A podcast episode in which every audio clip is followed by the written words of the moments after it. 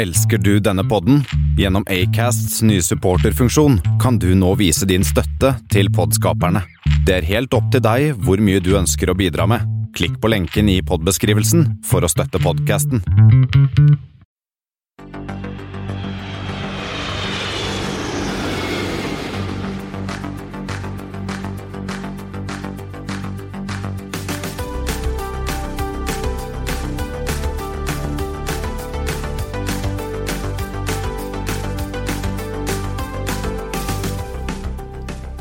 Og velkommen om bord på Flypoddens flight eh, 27. Eh, Det har blitt tirsdag 14. august, og eh, som vanlig så hører du Thomas Lone og Kristian Kamhaug. som skal nerde med deg her de neste tre kvarterene. Og Christian, vi har jo kalt denne ukas pod for Joyride, men eh, vi kunne jo like godt eh, kalt eh, tittelen for This is Africa. Eh, For vi skal jo mye til, eh, til Afrika i dagens sending, og det jo Det, det skjer mye morsomt i Afrika, Christian. Ja da, det har, eh, vi har jo blitt 14. august nå. Vi skal, som du sier, vi skal innom Afrika ganske mye. Men vi skal også til Italia. Vi skal til Canada og se på Bombardiers 90-seters Q400. Og så kommer vi jo ikke unna forrige helgs helt, helt bisarre hendelser i Seattle, Thomas. Nei, det gjør, vi, det gjør vi absolutt ikke. Det er jo helt, helt ko-ko. Nest kun forbigått av Per Sandberg, nesten. ja, vi, vi, vi, står, vi står over Per Sandberg-sirkuset fra Arendal, så kjører vi år, dag, ukens podkast. Yes, det gjør vi. Eh, kjapt, Christian. Vært noen på tur i det siste? Nei. Jeg har hatt en tur-retur Tromsø. Helt, eh, helt ordinært på det. Alt var i rute, og alt var fint, så det var greit. Litt morsomt at eh, hun flyr samme maskin til Tromsø og fra Tromsø, selv med syv timers mellomrom. Det er litt, uh, syns jeg litt morsomt. Eh, men eh, fløy LNTJ, som er en gammel, eh, gammel SAS Bråtens-maskin. Eh, og den hadde jo smekka det nye Viasat-internettet på. Ah, det var jo nydelig, da. Ja, både for den til og fra til Tromsø. Altså, jeg må, jeg må si det, altså, det er Ja, det er fantastisk bra, det nye internettet. Så de som ikke har prøvd det, de må komme seg om bord og prøve det, fordi at det, det bare funker fra gate til gate, og ja, det er superdupert. Ja, super. Altså, du, vi hadde jo, du sendte jo live på Snap, og det var litt av hvert forskjellig som foregikk der. Så, og det var supert at du fikk på sånn lang flight til Tromsø, hvor du får liksom nytt, liksom, kan nyte litt. Ja, absolutt. Uh, eneste ulempen at det er litt vanskeligere å sove, da. Jeg pleier jo gjerne å ta meg en dubb på fly opp eller fly ned, men uh, da blir det å sitte og høre på musikk, lese litt aviser, oppdatere seg litt på ting og tang, og så gjøre litt research til flypodden, og så, ja, så plutselig så er du i Tromsø. Så det er jo, det er jo greit, men det går på bekostning av søvn. sånn er det. Kan ikke få alt. Det kan man ikke få. Vi må videre i sendingen, Thomas, og hvor skal vi først? Du, vi drar sydover i Europa til eh, Italia. Eh, vi har jo tidligere snakka om eh, at Alitalia, som eh, er sliter tungt om dagen, skal bli solgt.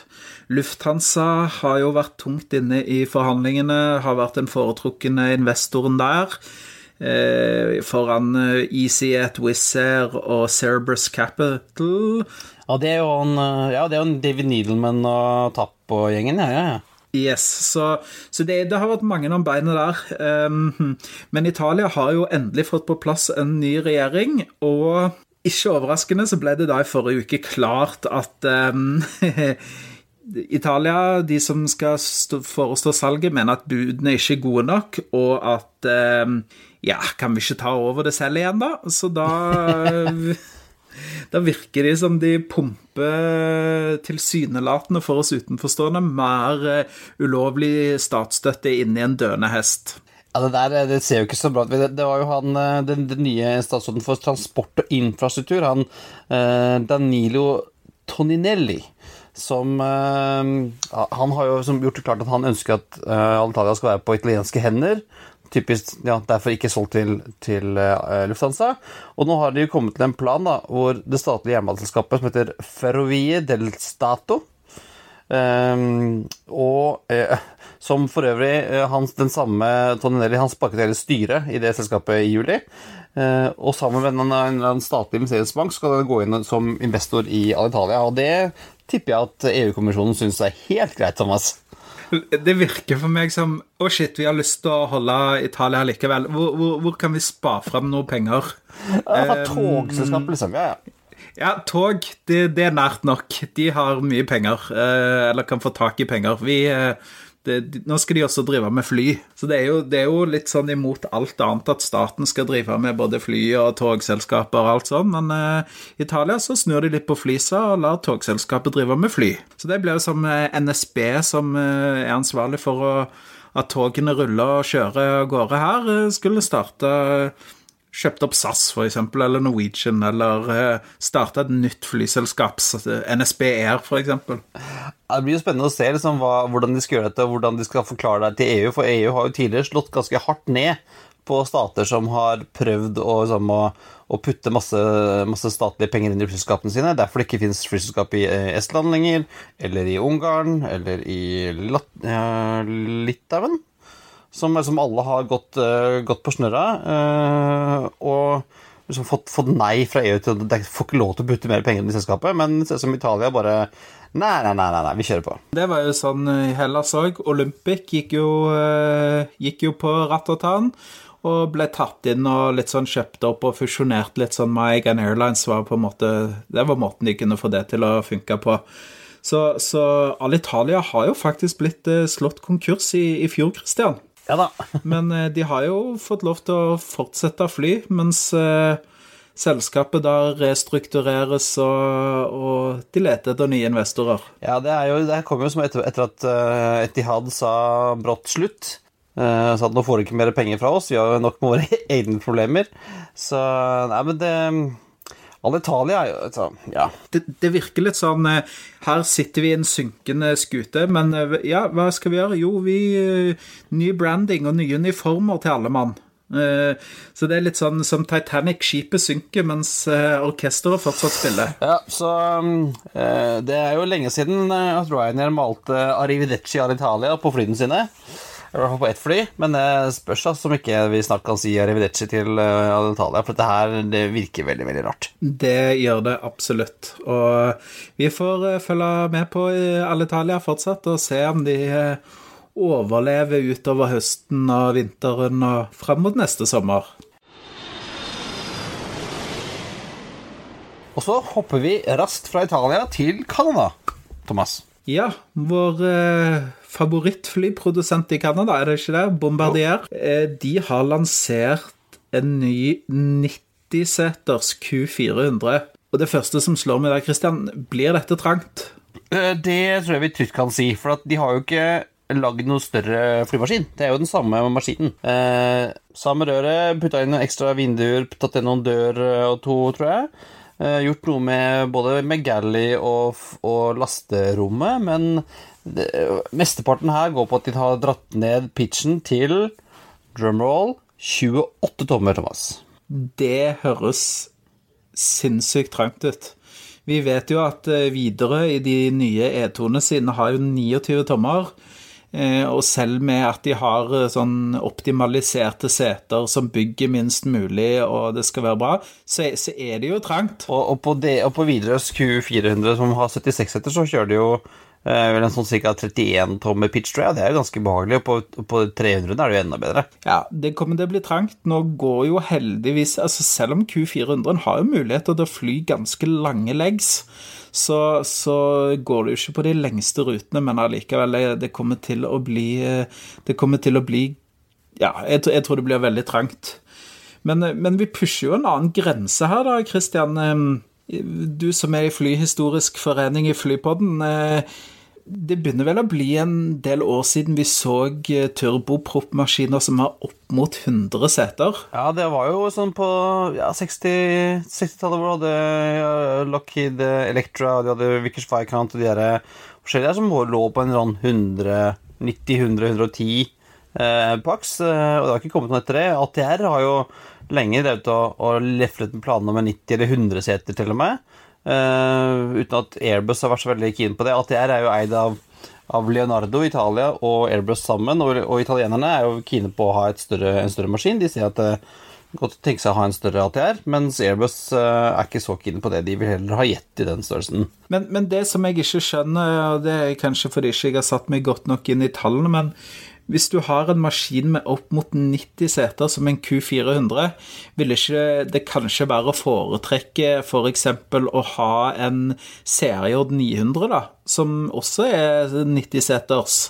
Bombardier spiser jo litt av sitt eget marked her, kanskje, tenker jeg. Jeg vet ikke. Det er jo, det er jo billigere fremdeles å operere en turboprop enn en jet. Det er det jo. Uh, på, ja. Særlig på, på, på, den type uh, segmenter. Han er jo Førstemann som får den der 90-seteren, er jo Spice Jet, eller Spice Prop, uh, i India. Som er, som, er, en low cost carrier. Og, og, og de vi er opptatt av å sånn, dytte så mange seter inn som mulig. Og du har jo, om du går fra 76 til 90, så trenger du ikke mer crew. Du har jo akkurat like mye crew, du trenger to, to cabin. Så det er jo en sånn gratis pax inni, inni kjerra. Det blir jo 14 flere stykker, da, for eksempel, å, å fordele de faste kostnadene på. Så det er jo klart at, eh, at eh, kostnad per setekilometer vil jo gå eh, betraktelig ned med at du får øke kapasiteten med, med 14 seter. Ja, og, og direkte sånn der operating cost og fuel og sånn på en 90-seters uh, turboprop kontra en 90-seters jet er ganske stor. Det er ganske mye å spare på, på, på propellen fremdeles. Det er det, ja. Riktig. Så da, da har du litt av, av, grunnlaget der. Ja, men vi får vel håpe at Widerøe ikke kjøper disse, da. I hvert fall, Thomas. Ja, du, vi får heller håpe at eh, de, eh, de kjøper noe mer E2, kanskje 175 maskiner, hvis de trenger noe som er litt mindre enn en de 114 setene som de har i 190-maskinen i dag. Ja, jeg, satt, eh, jeg, satt, jeg var i Sandefjord i helgen, på fotballcup. Og da satt jeg på, på Vesterøya idrettspark eh, og så på fotballkampen til sønnen min. Og da lå jeg jo rett i innflyvningen til Torp. Og der kom det Ryanair 737, det kom eh, Wizz Air A320, A321, det kom Air Europa 737, det kom K KLM Embraer 190 Det kom en Q400, et par Q400, men det kom ingen Embraer, altså. Jeg var veldig skuffa. Ja, ja. Man kan ikke alltid få det sånn som han vil ha det, Christian. Nei, altså, i verdens rikeste land. Skulle bare mangle. Ja, det er sant. Det er sant.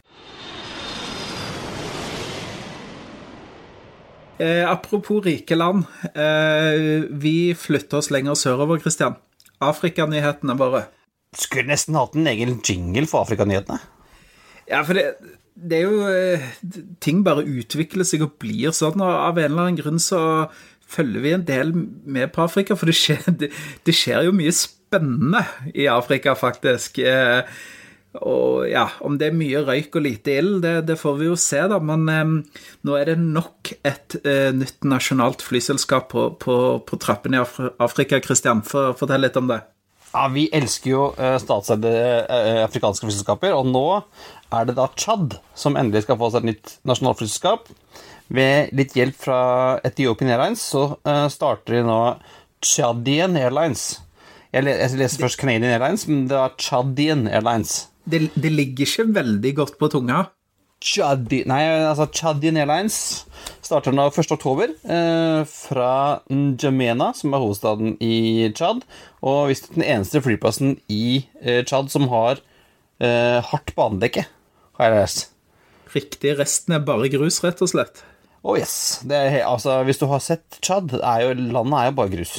Ja, det er det.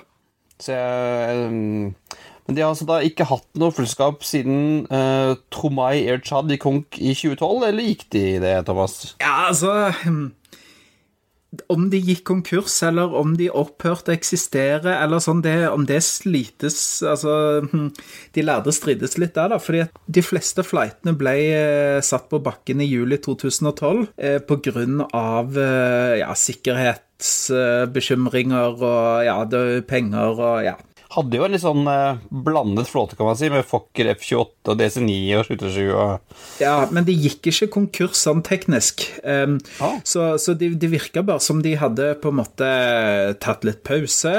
Uh, men det viste seg da at uh, året etterpå så mente folk at eh, som det sto, noen rapporterte om at de plutselig i september 13 begynte å fly hajj-flighter fra Tsjad til Saudi-Arabia.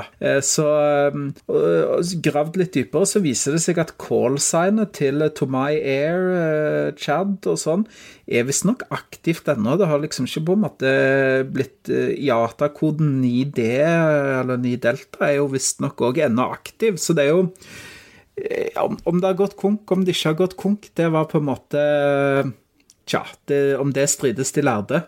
Men, eh, men, eh, som du sier, de har hatt de har hatt mye forskjellig i flåten, disse Tomai Air Chad. Det har vært 737-300, det har vært Fokker 28, det har vært 737-200. Eh, de leasa en 747-200 for Hajj-flighter. og Ja, det har vært mye, mye moro. Mye gammel ordet. Yes. Ah, ja. Så Chad Airlines, som skal nå starte i oktober, på måte, eh, de starter med innenriks, deretter regionalt, og så videre ut i Afrika og Midtøsten. Har ikke hørt noe om hva slags fly de skal uh, ha, men sjansen er stor for at det kommer et eller annet uh, fra Etiopien. For de skal jo ha 49% av selskapet, mens den tsjadiske staten skal eie de siste 51 så en av et eller annet tett samarbeid med Etiopien uh, ser det til å bli.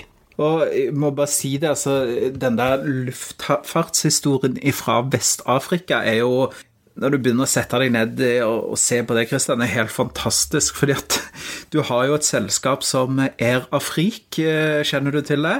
Gode gamle Air Afrika, Afrikas svar på SAS. Ja, altså det ble jo danna i starten på 60-tallet. Eh, og det var elleve stater, tror jeg det var, som gikk inn og, og starta flyselskap sammen med Air France og eh, Union Aeromatim de Transport, UAT, som det ble forkorta. Og det var Benin, Burkina Faso, Kamerun, Sentralafrikansk republikk, Tsjad, Elfenbenskysten, Gabon, Mali, Mauritania, Niger, Republikken Kongo, Senegal, Sierra Leone og Togo. Så det var jo en, en skikkelig god potpurri av eh, vestafrikanske land eh, som gikk sammen der. Eh, og de eh, gikk sammen da med France og, og UAT, som sagt.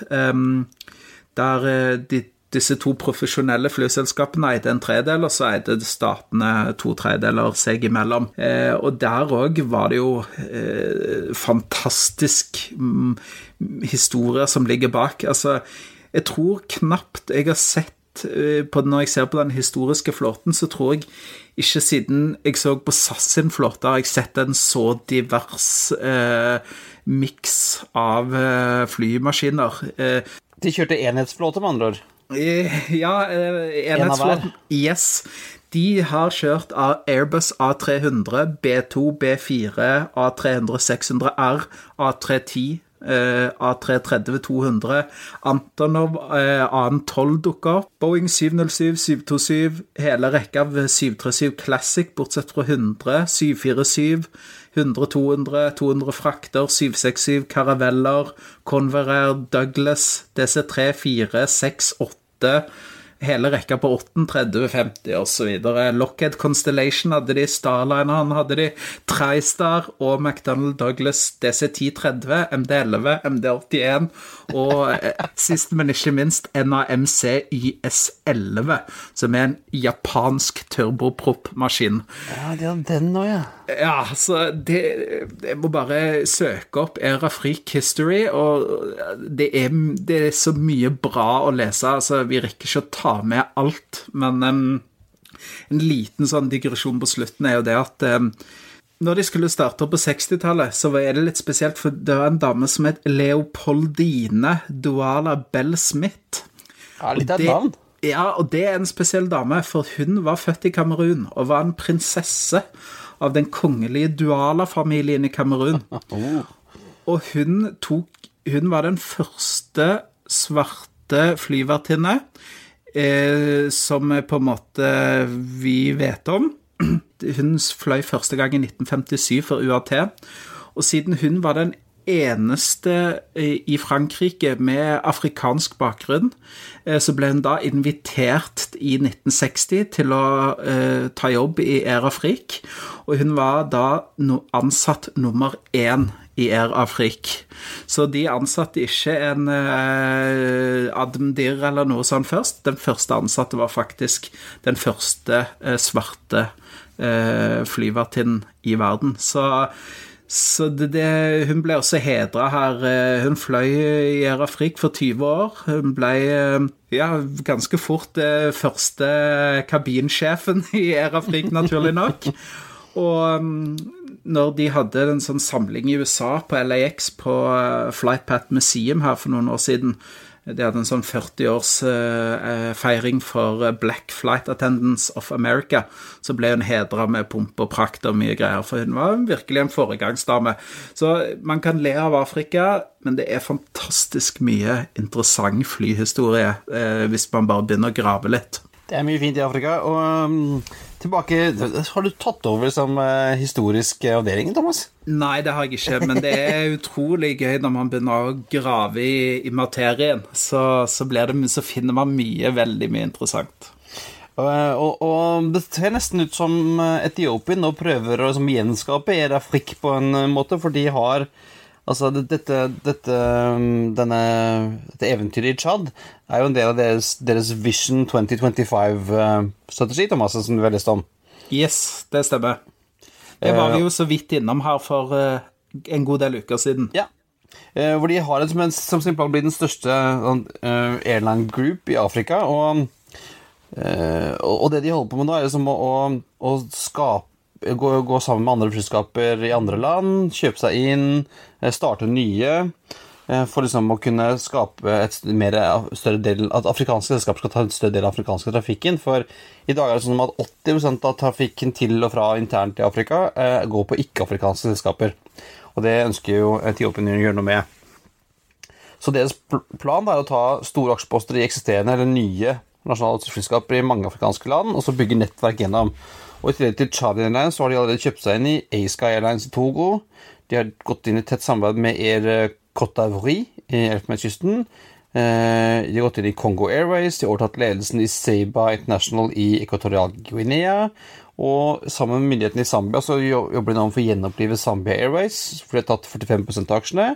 Og så har de nå planer om å starte flyselskap sammen med myndighetene i Guinea og opprette et heleid plateselskap i Mosambik. Så det, det ser ut som Etiopien skal som bli the airline i Afrika, tydeligvis.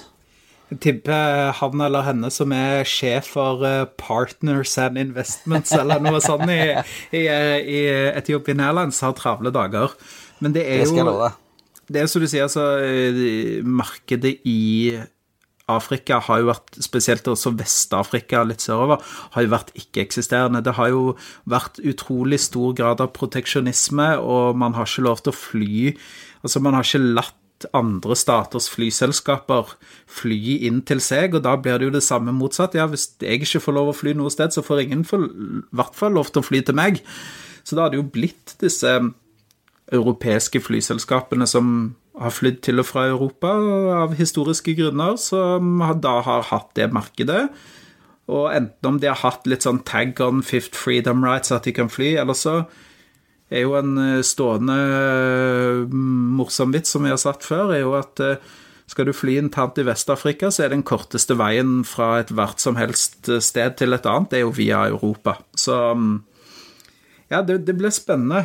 Og jeg har troen på en viss grad, så lenge politikerne ikke blir for grådige, at de klarer å holde korrupsjonen på et kall det greit nivå. Og så har jo Etiopien bevist gang på gang at de kan drive flyselskap, at de, at de vet hva de driver på med.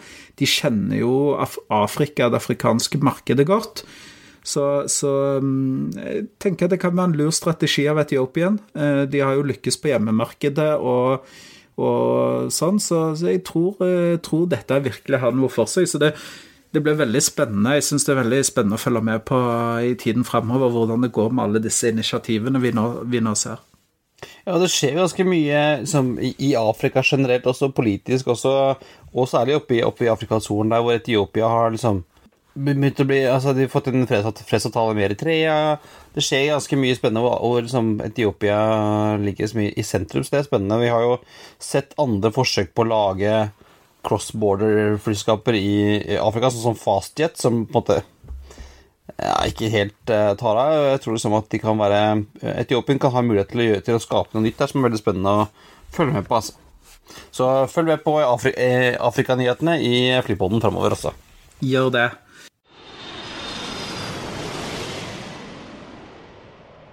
Vi slipper ikke Afrika helt, men det er bare av eh, Holdt jeg på å si eh, Det er ikke vi som drar til Afrika, det er Afrika som kommer til oss. Um, denne uka så ble det jo lansert en ny rute fra Gardermoen, Christian. Ja, og i forrige uke så etterlyste vi nye ruter fra OSL, og vi gjorde en sånn shout-out til uh, vår venn og friend of the pod uh, Martin Langås.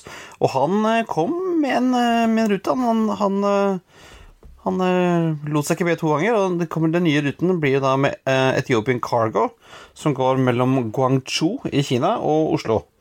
Med en 777F fra september.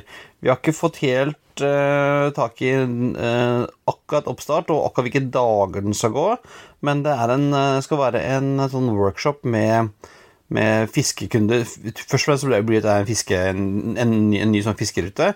Så det skal være en workshop senere i måneden med kunder og Metiopien, og vi skal snike oss med der, Thomas.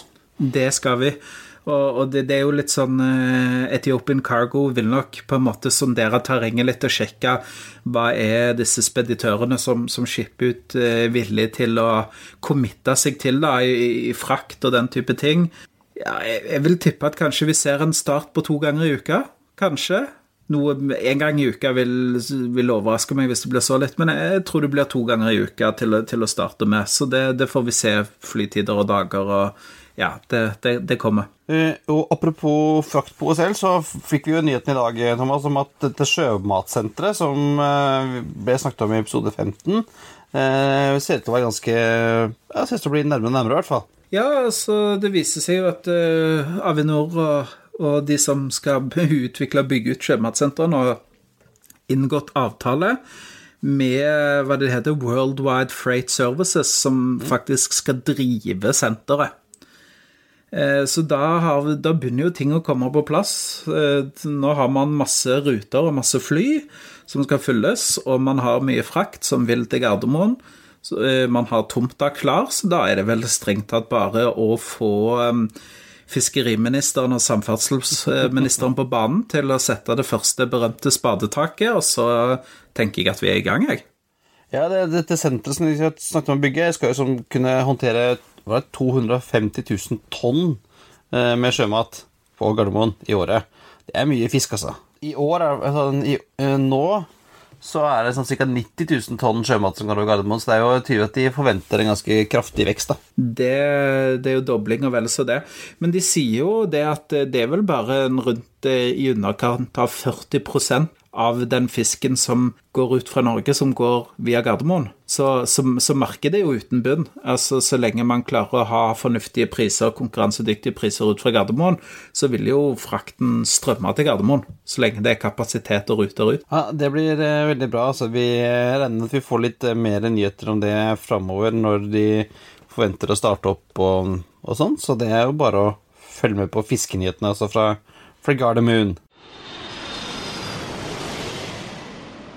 Skal vi gå til ukens Nå har vi vært mye i Afrika, Kristian, og eh, snakka litt om fisk osv. Skal vi gå til ukens eh, hovedtema, da? Vi kalte jo ikke denne podden for joyride bare for moro. Nei, eh, for vi kan jo liksom ikke la være å snakke om de rimelig bisarre hendelsene på fredag, hvor Altså For å recap, det er også en bakkeansatt i Alaska Airlines i Seattle som ja, Han fant ut at han skulle eh, ta, med seg, ta en tur med et av, et av selskapets Q400-er. Så han eh, gikk om bord og starta opp og taxa ut og tok av og fløy rundt i Seattle-området i en sånn, var en halvtimes tid han holdt på? Thomas? Nei, det var vel nærmere en time, tror jeg. Var såpass mye? Fra han tok av til, til han styrta. Jeg tror det gikk ca. en time.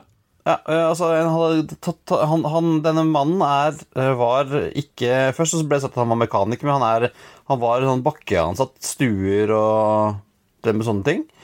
Ja, og det tenkte jo jeg først da når mekaniker så var det litt sånn Ja, det kan gi mening, fordi at en del av mekanikerne får jo faktisk utsjekk eh, på å takse fly. Eh, jeg snakket litt med, med noen videreansatte i mekanikere der, og der er det en del som faktisk har, har utsjekk på å takse fly, f.eks. til og fra eh, hangar til gate etter vedlikehold. Så da tenkte jeg at her er det en eh, mekaniker som har gått uh, funnet ut ah, det er så gøy å takse. Lurer på om jeg skulle flydd litt òg. Men ja, altså, nei, han var visst bare en Eller i gåstegn bare, da. Men uh, han var visst en stuer eller bakkeansatt, uh, som det fremkom. Ja, og han, han fløy da rundt, rundt, der og tok litt loops og rolls, og det, var jo, det finnes en god del eh, filmklipp på nettet som er helt, helt ville. Og du ser også at eh, at han tar en roll med, med Q400, og så kommer det to eh, Var det F-15 etter han? Ja, F-15. Ja, for de ble jo scramla ganske fort når, de, når de ble at det var en sånn uautorisert takeoff. Og de var liksom veldig redde på hva han skulle gjøre. Og det fins også en del opptak på nettet av samtalen mellom han denne Rich, Richard og, og, og, tårnet. Hvor det går jo fram at han har, var vel ikke helt Han var vel ikke helt den skarpeste kniven i skuffen, denne fyren her. Nei, han erkjente vel at han hadde vel en skrue løs eller to ja. som han først innså nå at var løse. Ja, det der eh, det var jo en ganske bisarr greie. Altså, det endte jo med, at han styrtet eh, i en skog på en liten øy, hvor den eneste som ble skadd var, eller drept, var jo han selv.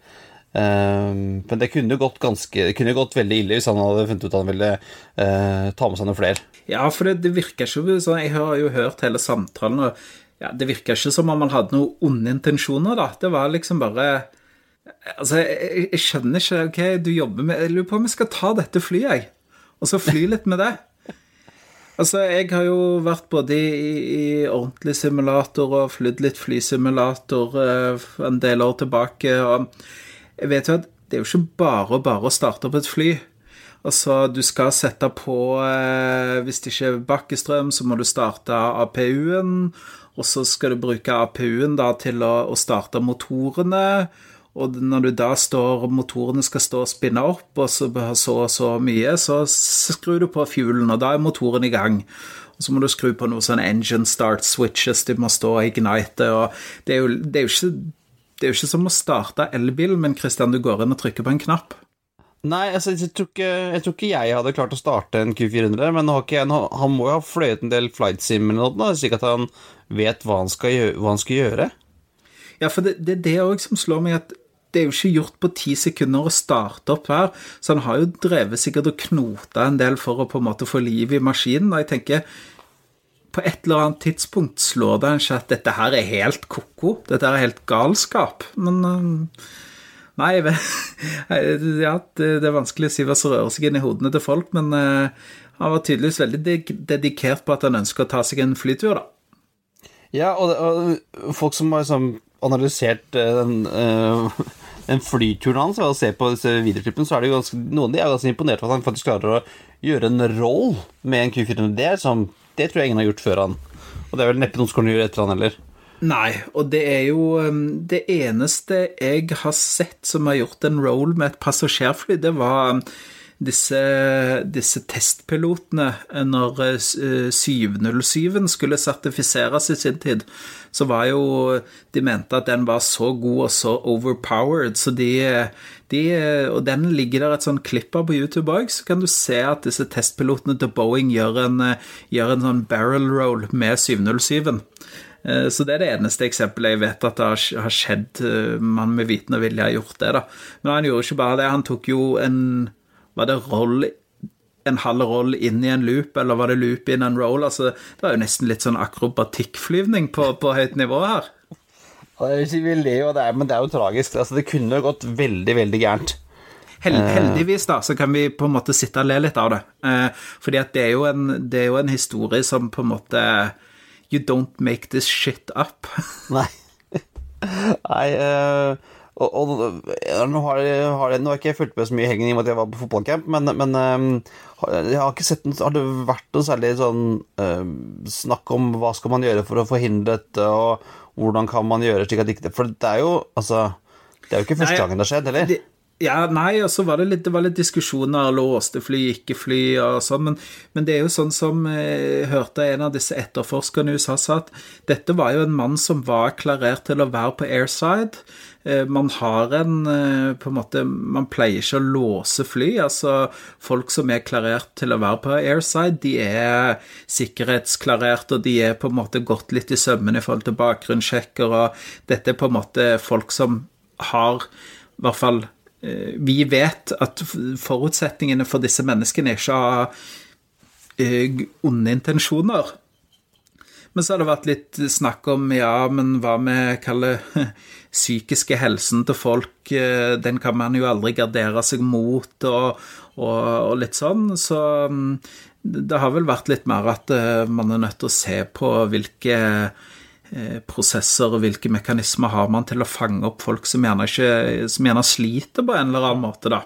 Så var det vel en som sa, en av ekspertene jeg så, som sa at ja, det er mulig å gjøre sånn at det er helt umulig for uautoriserte folk å ta av seg et fly, men altså, det kommer til å være såpass dyrt og så komplisert, eh, og det skjer som en gang in blue moon, liksom, så jeg vet at eh, det var liksom ikke verdt det. Eh, det har jo altså i hele i manns minne så har det ikke skjedd så ofte heldigvis at noen har tatt med seg et fly. Det har jo skjedd noen ganger, vi skal snakke om et par av dem, men, men det, er, det, er, jo Med så mange folk som har tilgang på fly rundt omkring på i verden, så skjer det jo altså så uhyre sjelden. Ja, og det er jo det, er jo det den avveiningen man alltid gjør da i forhold til sikkerhetstiltak, og spesielt innenfor flybransjen. Altså, er dette noe som der risikoen for at det skal skje, er så stor at vi ønsker på en måte å forsikre oss mot det, og ta da de kostnadene som det medfører.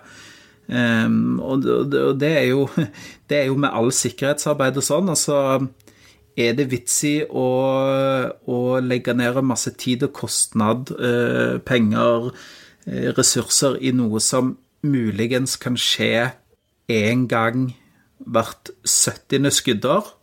Kanskje ikke. Sant? Det er jo de vurderingene man er nødt til å gjøre seg hele tiden da, i forhold til all arbeid med sikkerhet. Hvor, hvor, hvilken risiko skal vi tolerere, til hvilken kostnad? Det er på en måte det det, det basically bunner ut i.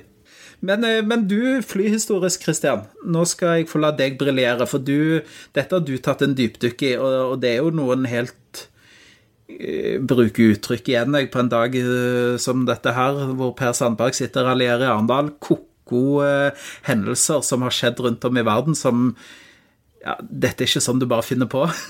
Nei, altså, det jo, dette er jo ikke første gangen at noen stjeler passasjerfly. Eh, men, og, det, men, det, er heldigvis ikke så mange eh, hendelser. Det som, den, den, jeg først tenkte på, var en hendelse i, i 1999 eh, i Botswana. Der hvor en av pilotene til Air Botswana stjal, stjal en tom ATR-42 Eh, fløy en, en, runde rundt over, eh, over Gabarone, og så moste han den ATR-42-en inn i de to andre ATR-42-ene som sto parkert på bakken. det er sånn uh, I'm going to teach them a lesson or two. ja, han, han, var jo, han, han, jo, han var jo pissed uh, fordi at han hadde mistet uh, lisensen. ledelsen satte han på bakken, for han var unfit to fly. Og det var han litt uenig i.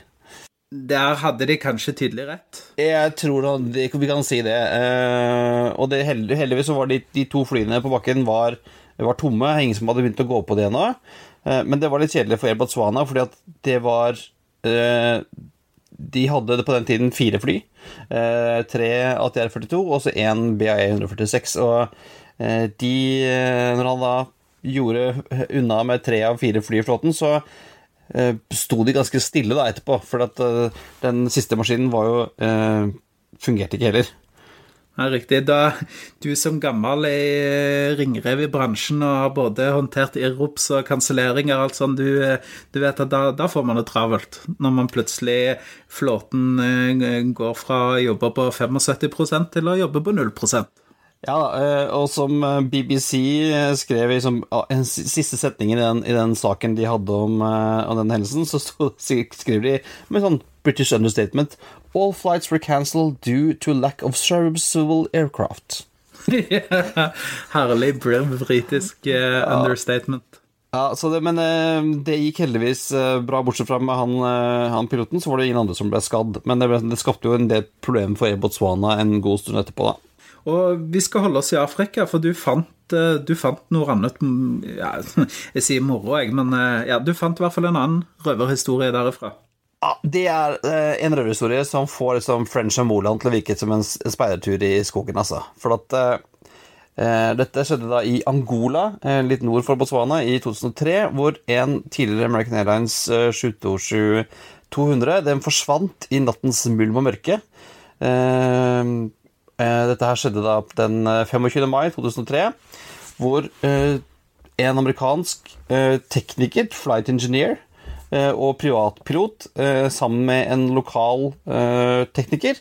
De gikk om bord i denne 727-en som sto parkert i Luanda.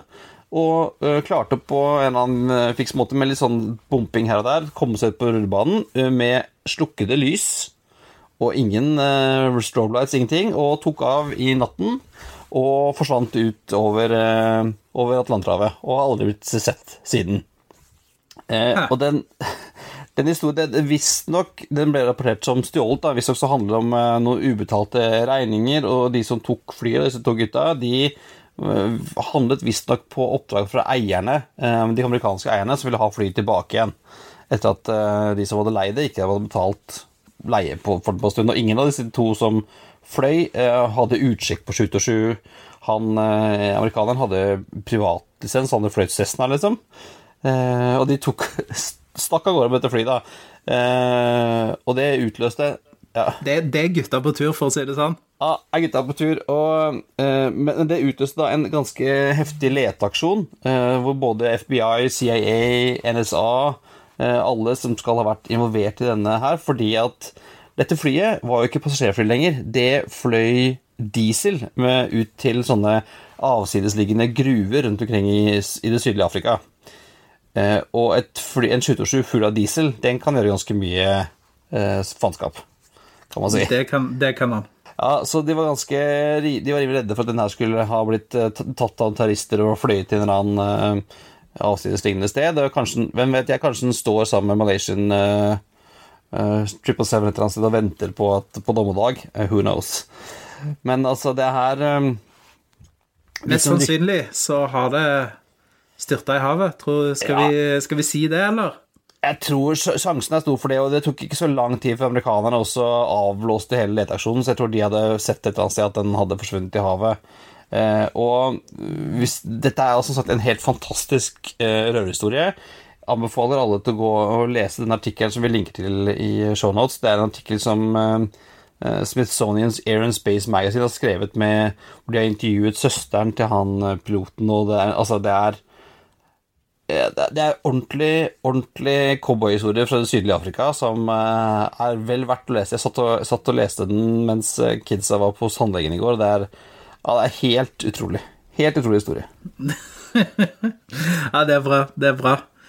Um, I din research fant du noe annet, Christian? Var det noe annet ja. morsomme historier som dukket opp? Ja, altså Disse to første var altså, Alle tre har jo vært egentlig tragisk. Det har jo endt med at noen har omkommet. Men den, den, siste er en sånn on a lighter note, kan man si. Ja, altså, jeg, da... sier, jeg, sier, morsomme historier, men ja. altså, det, er jo, det er jo morsomt fordi de er kuriøse og spennende ja. og sånn, men eh, ja, altså, det er, jo, det er jo tragedier for de som er involvert, selvfølgelig. Ja, og så har vi da en litt nyere historie, også da fra 4. juli i år. Um, fra Texarcana, Texarkana, som ligger på grensen mellom Texas og Arkansas. Uh, der var det en 18-åring um, som på natt til 5. juli hoppet over gjerdet på flyplassen. Uh, tastet bort til en parkert uh, American Eagle Jet. Jeg vet ikke om det var en Embrar eller en annen kategori. Eh, kom seg inn i cockpit og ble der eh, tatt av politiet. Det, det, det, er en, det er en hard natt ute hvis det var natt til 5. juli. Da var han sikkert ikke helt edru heller. Nei, han skulle på konsert, nemlig. Han skulle på en annen eh, rockekonsert et annet sted og tenkte han, ja, men det er vel bare å, å, ta et fly, for det er vel bare å trykke på noen knapper og dra i noen spaker, så, så, så, funker det fint. Det var som hans forklaring når han ble, når han ble tatt av politiet. Det Ja, det er um, Ja. Kan, det, det, kan man riste på hodet av. Men uh, konsekvensen av det han gjorde, er vel ikke det rista som på hodet, for eh, det sto vel at eh, alt etter fra omstendigheter og sånn, så er vel strafferammen for dette her mellom ti Nei, mellom tre til ti år i fengsel.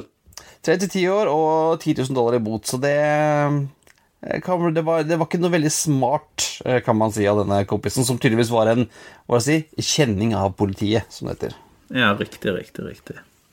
Men eh, hva du tenker, Kristian? Eh, altså, er det et problem at fly på en måte jeg, jeg, sier er så lett tilgjengelig, for de er jo ikke lett tilgjengelig. De står jo ganske bevokta, i hvert fall i den vestlige verden, og de er jo i, i holdt jeg på å si, eh, på sikker sone, og alle som skal være rundt fly, må jo både sikkerhetsklareres og ha bakgrunnssjekk og you name it, men, men er det et reelt problem? Jeg tror det. Altså, det er som vi sa i stad, altså, det, det, er jo såpass Det har jo skjedd såpass sjelden uh, at, at, det uh, Klart det er en risiko for det, men det er jo en større risiko for at faktisk folk som har lov til å sitte bak spakene, gjør uh, gærne ting. Som han uh, German Wings, og vi har en der Ethiopian Flight 990 1999 som tydeligvis ble styrta av kapteinen. og uh, Malaysian-flighten også, som er borte, som kanskje noen mener at var gjort av kapteinen. Altså,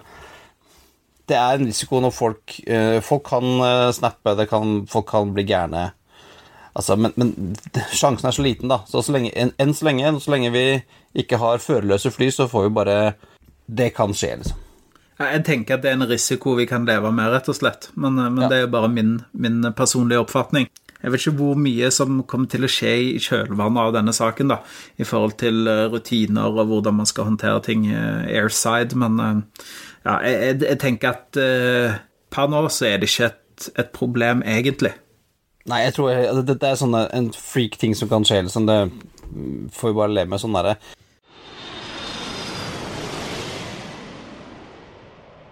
Har du eh, noe å anbefale denne uken, Kristian? Har du blinka deg ut noe som du eh, ønsker å, å anbefale til lytterskaren vår der ute? Ja, fordi at eh, nå på førstkommende lørdag så er det åpen dag på vår nærflyplass, Thomas.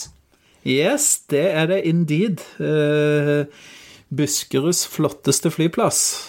Buskeruds eneste flyplass? Ja, det er vel kanskje noen småflyplasser oppi, oppi Hemsedal og mot Gol og litt sånn er det noe, vel noen striper. Men ehm, ja, vi sier da at det er Buskeruds flotteste flyplass. I hvert fall denne helga. Ja, og Hokksund flyplass, som jeg kjører forbi på vei til hytta på fjellet, de har åpen dag. Nå på førstkommende lørdag den 18. august klokka 10 så har Drammen flyklubb åpen dag. Eh, og da er det mulighet for å ta seg en tur med et av eh, flyene i klubben. Motorfly, mikrofly, seilfly og sånn. Og gå ut og se på fly som er litt mindre enn det vi pleier å snakke om, Thomas, men, men fly er fly. Ja, vi gleder oss. Uh, hvis du uh, lytter på Flypodden, så kom uh, og se etter to menn med to små kids. To lett lett Korpulente, kan vi si. Ja, og, og så med veldig kort hår har vi. Yes, det har vi. Ja, Skjegg har vi, ganske like. Det, det, ja. Yes, men eh, det var vel alt vi hadde for uh, Flight 27, Christian. Skal vi gå inn for landing? Det skal vi, så vi takker for at du eh, delte den flighten med oss. Håper du har hatt en fin tur som vanlig. Gi oss gjerne en anmeldelse i iTunes. Du kan abonnere på oss i iTunes, på Spotify og de fleste podkastspillere der ute. Finner selvfølgelig linker til det vi har snakket om i dag på flypodden.no. Finner oss selvfølgelig også på facebook.com slash flypodden, på Instagram at flypodden og på Twitter at flypodden.